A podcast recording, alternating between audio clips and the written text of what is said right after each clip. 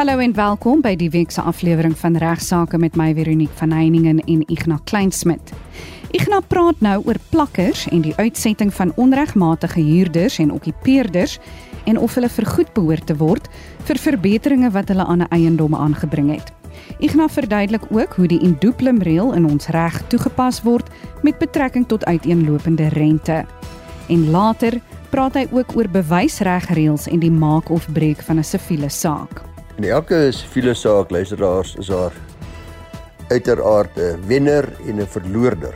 In die tweede deel van regsaake praat my spesialis gas Volker Kreur oor Testamentweek wat vanaf 12 tot en met 16 September plaasvind en jou kans gee om jou testament by deelnemende firmas gratis te laat opstel.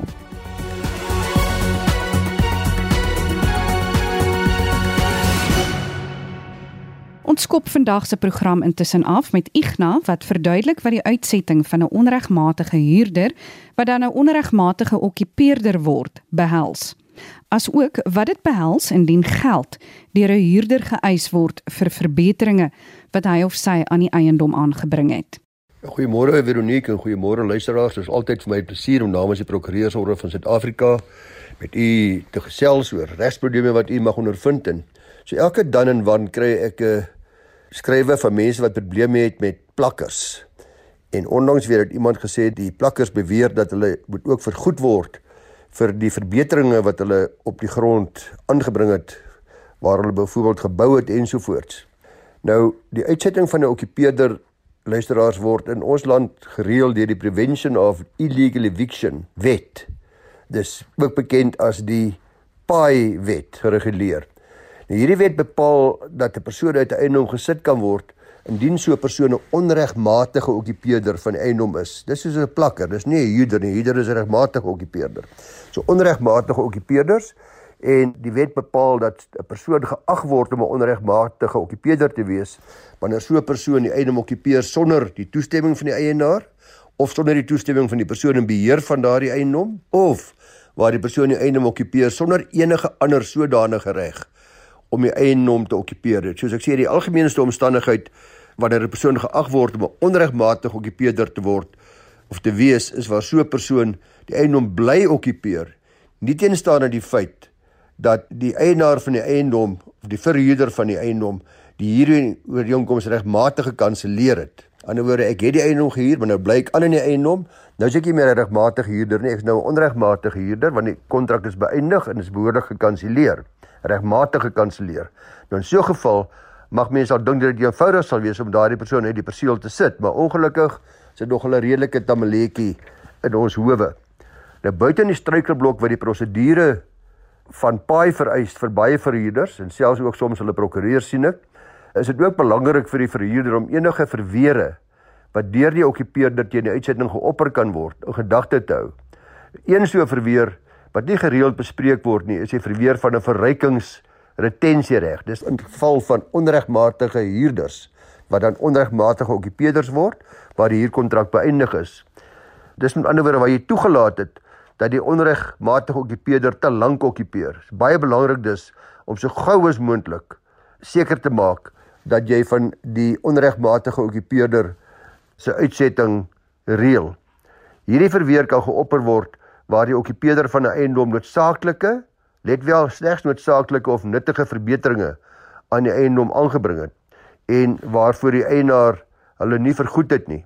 So 'n geval praat ons dan van 'n retensiereg wat oor die eiendom uitgeoefen word en 'n okkupasie van die eiendom word dan gebly selfs na beëindiging van die ooreenkoms totdat hulle vir die verbeteringe vergoed word. Dis 'n retensiereg ten opsigte van die verrykingsretensie op die verbeteringe. Dis belangrik om daarop te wys dat die okkupeerder slegs geregtig is op vergoeding vir noodsaaklike of nuttige verbeteringe en dus nie vir luukse verbeteringe nie. Noodsaaklike verbeteringe luisteraars is dit wat nodig was om die eiendom in stand te hou of te verhoed dat die eiendom vernietig word. 'n Algemene voorbeeld is byvoorbeeld waar 'n lekkerde dak deur die huurder reggemaak is. Nuttige verbeteringe is daardie verbeteringe wat die bruikbaarheid en die waarde van die eiendom verbeter. 'n Goeie voorbeeld is waar 'n toilet deur die huurder in eiendom geïnstalleer word waar die eiendom nie voorheen een gehad het nie, maar luukse verbeteringe kan hy ongelukkig nie eis nie. Dis daardie verbeteringe wat nie die bruikbaarheid van die eiendom werklik verbeter nie, ook nie noodwendig die waarde van die eiendom verhoog het nie. 'n Goeie voorbeeld is waar die huurder 'n swembad of 'n jacuzzi op die perseel laat installeer het wat nie regtig nodig was nie of die krane van die badkamer vervang het met goue krane. Nou in die geval van noodsaaklike verbeteringe kan die waarde van die verbetering ten volle van die eienaar verhaal word, hoewel daar in die geval van nuttige verbeteringe slegs die waarde waarmee die verbetering die waarde van die eiendom verhoog het of die waarde van die verbetering self verhaal, wat ook al die minste is. Let wel soos ek gesê het, diekste verbeteringe geen vergoeding nie. Laastens baie belangrik om daarop te let dat alhoewel die eienaar van die eiendom aanspreeklik is om die okkupeerder te vergoed, is hierdie retensiereg nie net verweer teen die uitsetting van die eienaar nie, maar teen uitsetting deur enige persoon. Dis ook die verhuurder of indien die eiendom deur die eienaar in 'n derde verkoop word, dan kan die okkupeerder 'n soortgelyke retensiereg teen die nuwe eienaar opper en in okkupasie van die eiendom bly totdat die vorige eienaar hulle vir relevante verbeteringe vergoed. Luisteraars sal begryp dat in die geval van plakkers natuurlik is dit hoogs onwaarskynlik dat daar enige retensiereg sal wees in opsigte van verryking aangesien daar nie werklik nuttige of noodsaaklike verbeteringe in 99,9% van die gevalle aangebring is nie. In die meeste gevalle waar daar huurkontrakte bestaan het, is daar ook baie duidelike bepalinge in die meerderheid van huurkontrakte tot die effek dat verbeteringe wat aangebring is slegs aangebring kan word met die toestemming van die eienaar of verhuurder en ook in daardie geval waar daar nie toestemming gegee is nie, sal daar natuurlik ook geen verrykingsretensiereg wees nie. Ignas se tweede onderwerp hou verband met rente en hoe die reg 'n balans tussen uiteenlopende rente handhaaf deur die indooplum reël toe te pas. Veronique kry op eendag twee skrywers wat albei dieselfde strekking het, naamlik daar is iets aangekoop teen 'n kapitaalbedrag en uiteindelik het hierdie kapitaal wat nou sê net maar R100 uh, beloop het, uiteindelik 3 of 400 rand beloop met klomp rentes en kostes wat bygevoeg is. Nou ek wil bietjie gesels oor die uiteenlopende aard van rente want almal van ons wat 'n kredietkaart het of 'n kredietrekening of 'n agterstallige rekening het, is wel bekend met die bose natuur van rente. Vir sulke mense kan dit soms voorkom of rente uitsluitlik bestaan vir die doel om hulle probleme te vermenigvuldig en geld uit hulle sakke te vat. Natuurlik krediteer aan die ander kant is wel vertroud met die gawe natuur of die vriendelike natuur van rente, want vir hulle weer is rente 'n gerusstelling wat verseker dat die geld uitgeleen waarde behou met die verloop van tyd en selfs met meer as inflasie groei as die rentekoers hoog is. Die vraag is dan, hoe word daar 'n balans gehandhaaf in ons reg tussen hierdie dualiteit van rente die uiteenlopende aard van rente. In Suid-Afrika probeer ons hierdie balans handhaaf met die reël wat bekend staan as die indooplum reël. Die gemeenregtelike indooplum reël bepaal dat rente op 'n uitstaande bedrag nie meer gehef sal word sodra die totale bedrag rente gelykstaande is in 'n uitstaande kapitaal nie. So praktyk sal dit beteken indien jy byvoorbeeld R50000 aan iemand verskuldig is wat jy geleen het of iets by hom gekoop het, sal rente gehef word tot die uitstaande bedrag verskuldig as ook nie meer as R50000 mag beloop nie. Indien rente ophoop tot R50000 mag geen verdere rente gehef word nie, sê die indooplum reël. So sodra betaling van die skuldenaar ontvang word, sal daardie bedrag of 'n porsie daarvan aan rente geallokeer kan word en dan kan rente natuurlik weer toegevoeg word totdat die totale uitstaande rente weer eens gelykstaande is aan die uitstaande skuld. Nou in die geval luisteraars van kredietooreenkomste wat binne die perke van die nasionale kredietwet van 2005 val, is daar 'n soortgelyke statutêre, nou 'n wetgewende indooplum reël wat toepassing het. Hierdie indooplum reël verskil wel in een wesenlike opsig van die gemeenregtelike reël wat ek hierbo beskryf het, naamlik R50000 mag nie R100000 oorskry nie. As praktiese voorbeeld sal die nasionale kredietwet is 'n uh, indooplum reël bepaal dat indien jy 'n bedrag van R50000 aan 'n krediteur verskuldig is, beperk die statutêre en doopinreël die totale rente wat op daardie bedrag gehef kan word ook tot R50000. Dus, sodra die rente gehef gelykstaande is aan die kapitaale hoofskuld, sal rente nie verder gehef kan word nie ongeag of betalings aan die uitstaande rente toegereken word of nie. Ek het baie navraag gekry oor hoe om die verbruikers omboed in die hande te kry. In die meeste gevalle is dit maar luisteraars wat 'n kat in die sak gekoop het en natuurlik in so 'n geval moet u jouself met die verkoper van hierdie item waarmee jy ontevrede is skakel en die probleem probeer oplos Daarna eers kan jy die nasionale verbruikerskommissie kontak. Daar's ook 'n ombud vir verbruikersgoedere en dienste wat u kan kontak en al hierdie dienste is gratis. 'n uh, Groot probleem deesdae is aanlyn aankope en aanlyn kopers wat probleme het, kan uh, skakel 012 428 7000 012 428 7000 of dan as daar klagtes is, kan mens gaan na complaints at the ncc.org.za complaints by the ncc.org.za of daar's ook 'n ombud wat u kan skakel en sy nommer is 086 0000 272 086 0000 272 so maak seker dat krediteure nie vir u meer vra as dubbel die kapitale bedrag wat u verskuldig was nie. Ignap bespreek nou 'n saak oor die potensiële maak of breek van 'n siviele saak met betrekking tot bewysregreëls. In elke siviele saak luisteraars is daar uiteraard 'n wenner en 'n verloorder. Nou kan 'n mens self jou seker die vraag afvra en dink baie luisteraars worstel daarmee. Nou, hoe gebeur dit dan dat daar twee stelle prokureurs is wat elkeen oortuig daarvan is dat hulle kliënt die saak gaan wen. Nou ek wil vandag so 'n bietjie praat oor die potensiële maak of breek van jou saak as gevolg van die bewysreg reëls wat 'n belangrike rol speel in die bewys van jou saak. Gunstige feite in jou saak is nie al wat 'n mens nodig het om 'n hofgeding te wen nie. 'n Goeie prokureur wat die bewysreg reëls goed ken en verstaan, is wat my betref van kardinale belang in enige saak, siviele saak en strafsaak. En dis maar ondanks weer bewys in die saak van Rautini teen Praza. Dit is 'n saak van 2021 ZASCA 158.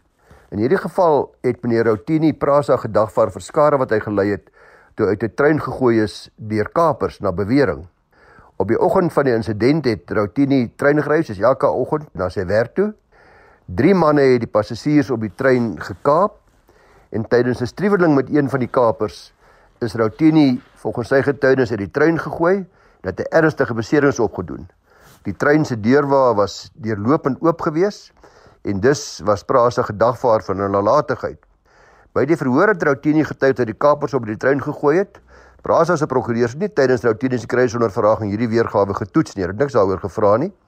'n Belangrike bewysreg beginsel is dat 'n party kan aanvaar dat sy of haar getuienis nie bevraagteken kan word as dit nie tydens kruisondervraging getoets word deur die teenkant nie. Met ander woorde, as ek sê die deur was rooi en dit word nie getoets deur die ander party se kruisondervraers nie, dan kan die hof aanvaar dat daardie getuienis bly staan, maar dit is onbeantwoord gelaat. Dit is aanvaar.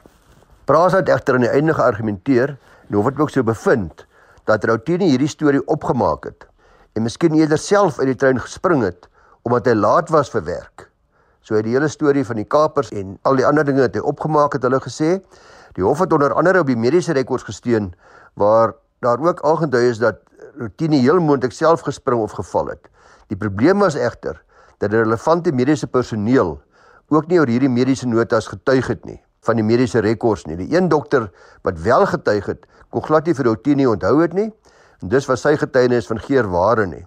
'n Belangrike beginsel in bewysreg luisteraars is dat hoorsê getuienis. Dit wat ek gehoor het iemand anders sê, is oor die algemeen nie toelaatbaar nie. Getuienis of dit nou mondings is of skriftelik is, is hoorsê wanneer die outeur of die direkte bron van daardie getuienis nie self daaroor in die hof getuig nie. In hierdie saak het die hof dus 'n bevinding gemaak deur op die mediese rekords te steun waaroor die ouditeur daarvan nie onder eed getuig het nie. So is bloot nie goed genoeg in terme van die bewysreg reëls nie. Verder meer het Prasa ook nooit in hulle pleitstukke reg aan die begin van die saak aangevoer dat Rotini self uit die tuin gespring het. Dit was 'n nuwe argument gewees. 'n uh, Partye in die hofgeding is gebonde aan die weergawe wat hulle skriftelik in hulle pleitstukke gegee het. En kan nie tydens die verhoor skielik 'n nuwe saak argumenteer of probeer bewys nie. Die eerste hof, die hof van Ko, dit is verkeerdelik sê die hof gesteun op ontoelaatbare hoorsê getuienis, is die getuienis van die mediese rekords wat nooit voor die hof gebring is deur 'n behoorlike getuie nie en verskeie bewysregreëls sê die hof appelhof is deur die hof van Kwou verontagsaam om sodoende routiniese weergawe te verwerp. Die Hoogste Hof van Appel het egter tot sy redding gekom en bevind dat die vorige uitspraak verkeerd was. Dis van kardinale belang dus luisteraars dat u prokureur wat litigasie behartig, 'n litigasieprokureur is en dat hy of sy alle bewysregreëls noukeurig nakom tydens die verhoor. Want indien die hof 'n bevinding maak wanneer daar nie aan die bewysregreëls voldoen is nie, is daardie bevinding daarom gelukkig hersienbaar of appeleerbaar, maar uh, prokureurs en advokate moet goed vertroud wees met al die bewysregreëls dat hulle nie hulle kliënte in die steek laat en later self met 'n nalatigheidseis teen hulle kan sit nie. Dis fluit fluit. My storie is uit vir vandag en ek luister graag saam met u na die tweede helfte van regsaake waar Veronique met 'n spesialis gesels. Dit is dan waar ons nou vir Ignas die week groet. Volker Kreur van van Velden Duffy Prokureurs in Rustenburg sluit nou by my aan om te praat oor die belangrikheid van 'n testament. Welkom by Regsake Volker. Kan jy vir ons meer oor Testamentweek vertel? Die Testamenteweek word jaarliks deur die Regspraktyk Raad aangebied. Die eh, raad en prokureurs oor die algemeen glo dat dit baie belangrik is vir elke lid van die publiek om 'n testament te hê. So om die publiek aan te moedig om 'n testament te laat opstel of hulle testamente laat hersien, bemark hulle dan elke jaar die testamente week en gedurende daardie week sal al die deelnemende prokureursfirmas gratis testamente opstel en hersien. So ja, ek dink dit is iets wat belangrik is wat elke persoon maar in gedagte moet hou en uh, kontak gerus jou prokureur vind uit of hy deelneem aan hierdie week of andersins kan 'n mens ook op die webtuiste van die regspraktyk raad die Legal Practice Council kyk watter prokureursfirmas deelneem en hulle dan kontak sodat hulle help met 'n testament. Hoe gemaak met minderjarige begunstigdes wat dan wil aanspraak maak op hulle erfgeld? En wat gebeur as jy sonder 'n testament tot sterwe kom? Ja, gelukkig gaan al die bates nie sonder meer net staat toe Daar's wel sekere gevalle soos byvoorbeeld waar daar minderjarige begunstigdes is dat dit na die voogtyfonds van die staat toe moet gaan. Kontant erfposies moet dan daarin betaal word as jy sonder 'n testament wat byvoorbeeld nie vir 'n trust voorsiening maak vir die minderjarige kinders tot sterwe sou kom.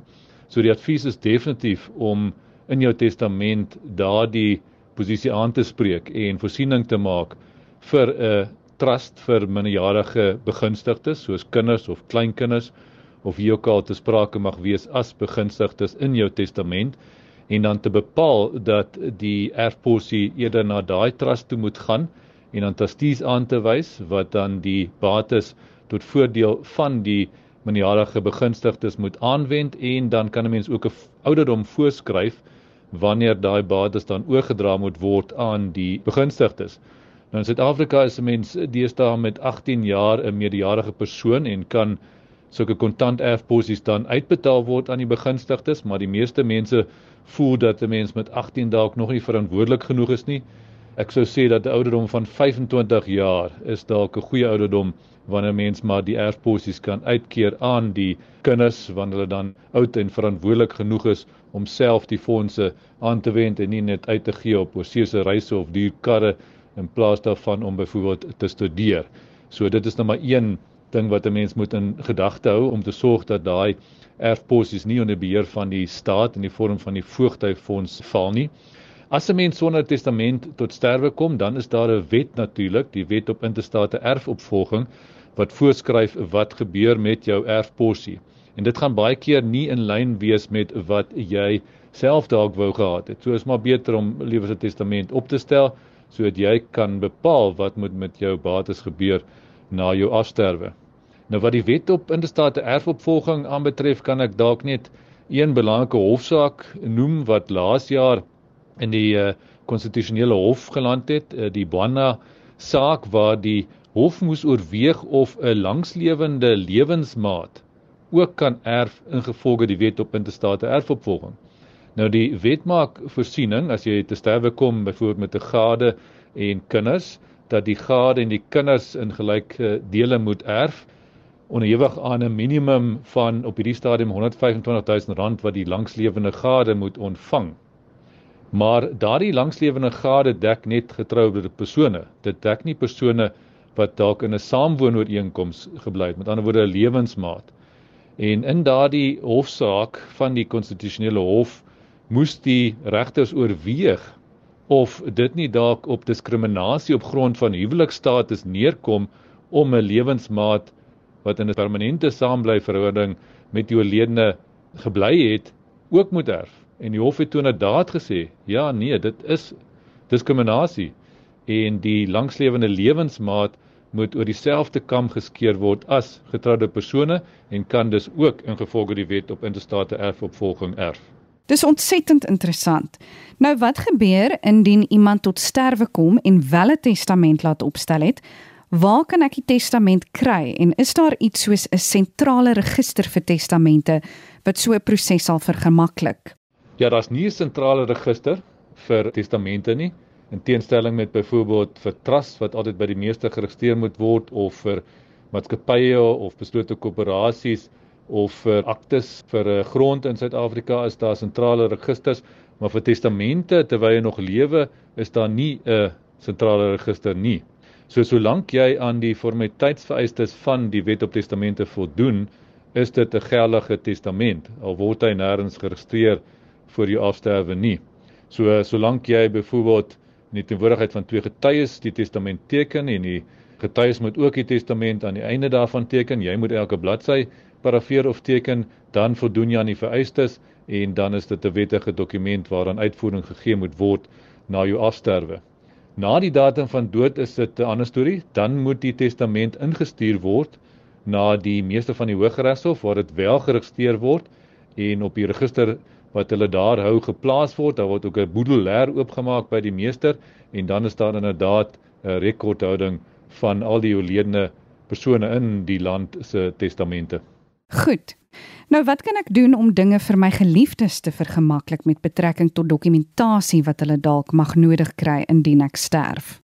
Ja, jy kan definitief die lewe baie makliker maak vir jou eksekuteur en jou erfgename as jy al die belangrike dokumente saam met jou testament of byvoorbeeld 'n afskrif van die testament bære en hulle dalk ook sê waar is daai leer of waar is dit gestoor op jou rekenaar sodat hulle na jou afsterwe vinnig toegang daartoe kan kry en die nodige stappe geneem kan word om jou boedel aan te meld en te beredder. So dis dokumente soos huweliksertifikaat, titelaktes van onroerende eiendomme, bankrekeningnommers, sertifikate van tyddeel wat jy dalk het, belangrike kontrakte soos huurkontrakte, aandele sertifikate, trustaktes van intervivos trust en uh, aanstellingsbriewe of magtigingsbriewe, vuurwapenlisensies, finansiële state motorvoertuig registrasiesertifikate uh, en so meer. So dis maar alle belangrike dokumente wat met jou bates en uh, laste te doen het. So doen gerus daai moeite wanneer jy jou testament laat opstel, maak seker dat jy daai dokumente ook bære. Jy kan ook so 'n lys byvoorbeeld op ons webtuiste kry as jy net 'n soek doen met 'n lys van dokumente wat gebeere moet word saam met jou testament of jy kan enige prokureursfirma vra waar jy testament laat opstel nou ook gedurende die testamente week om vir jou lys te gee van belangrike dokumente wat jy dan saam met jou testament moet bære. Dis ongelukkig alwaarvoor ons die week tyd het. Dankie aan Ignas Kleinsmid en Volker Creer, beide van van Velden Duffy Prokureurs in Rustenburg vir julle deelname in vandag se program. Kontak sommer vandag nog jou naaste regsfirma en vind uit of hulle aan Testamentweek deelneem en gaan stel sommer vandag nog jou eie testament op vir gemoedsrus. Vir enige navrae stuur gerus 'n e-pos na my toe by vero@rsg.co.za. Van my Veronique van Heiningen groete tot volgende week.